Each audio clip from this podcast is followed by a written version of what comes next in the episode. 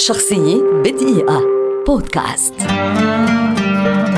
سعود السنعوسي كاتب وروائي كويتي يعد واحدا من أشهر وأنجح الروائيين الشباب في العالم العربي اليوم ولد عام 1981 أصدر روايته الأولى سجين المرايا عام 2010 وقد فازت بجائزة ليلى العثمان لإبداع شباب في القصة والرواية في دورتها الرابعة. وفي العام التالي نشر قصة البونساي والرجل العجوز التي حصلت على المركز الأول في مسابقة القصص القصيرة التي تجريها مجلة العربي الكويتية بالتعاون مع إذاعة بي بي سي العربية. لتتوالى النجاحات بعد ذلك. ففي عام 2013 فاز السنعوسي بالجائزة العالمية للرواية العربية في دورتها السادسة عن روايته الأشهر ساق البامبو التي حصدت أيضا جائزة الدولة التشجيعية في الكويت بالإضافة إلى عدد من الجوائز الأخرى.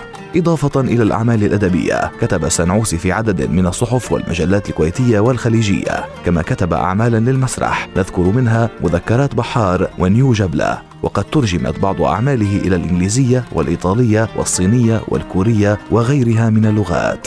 عام 2019 أصدر سعود السنعوسي رواية قصيرة بعنوان ناقة صالحة محققا نجاحا جديدا يضاف إلى نجاحاته السابقة ويبشر بالمزيد من الأعمال المهمة لكاتب شاب لامع في سماء الرواية العربية.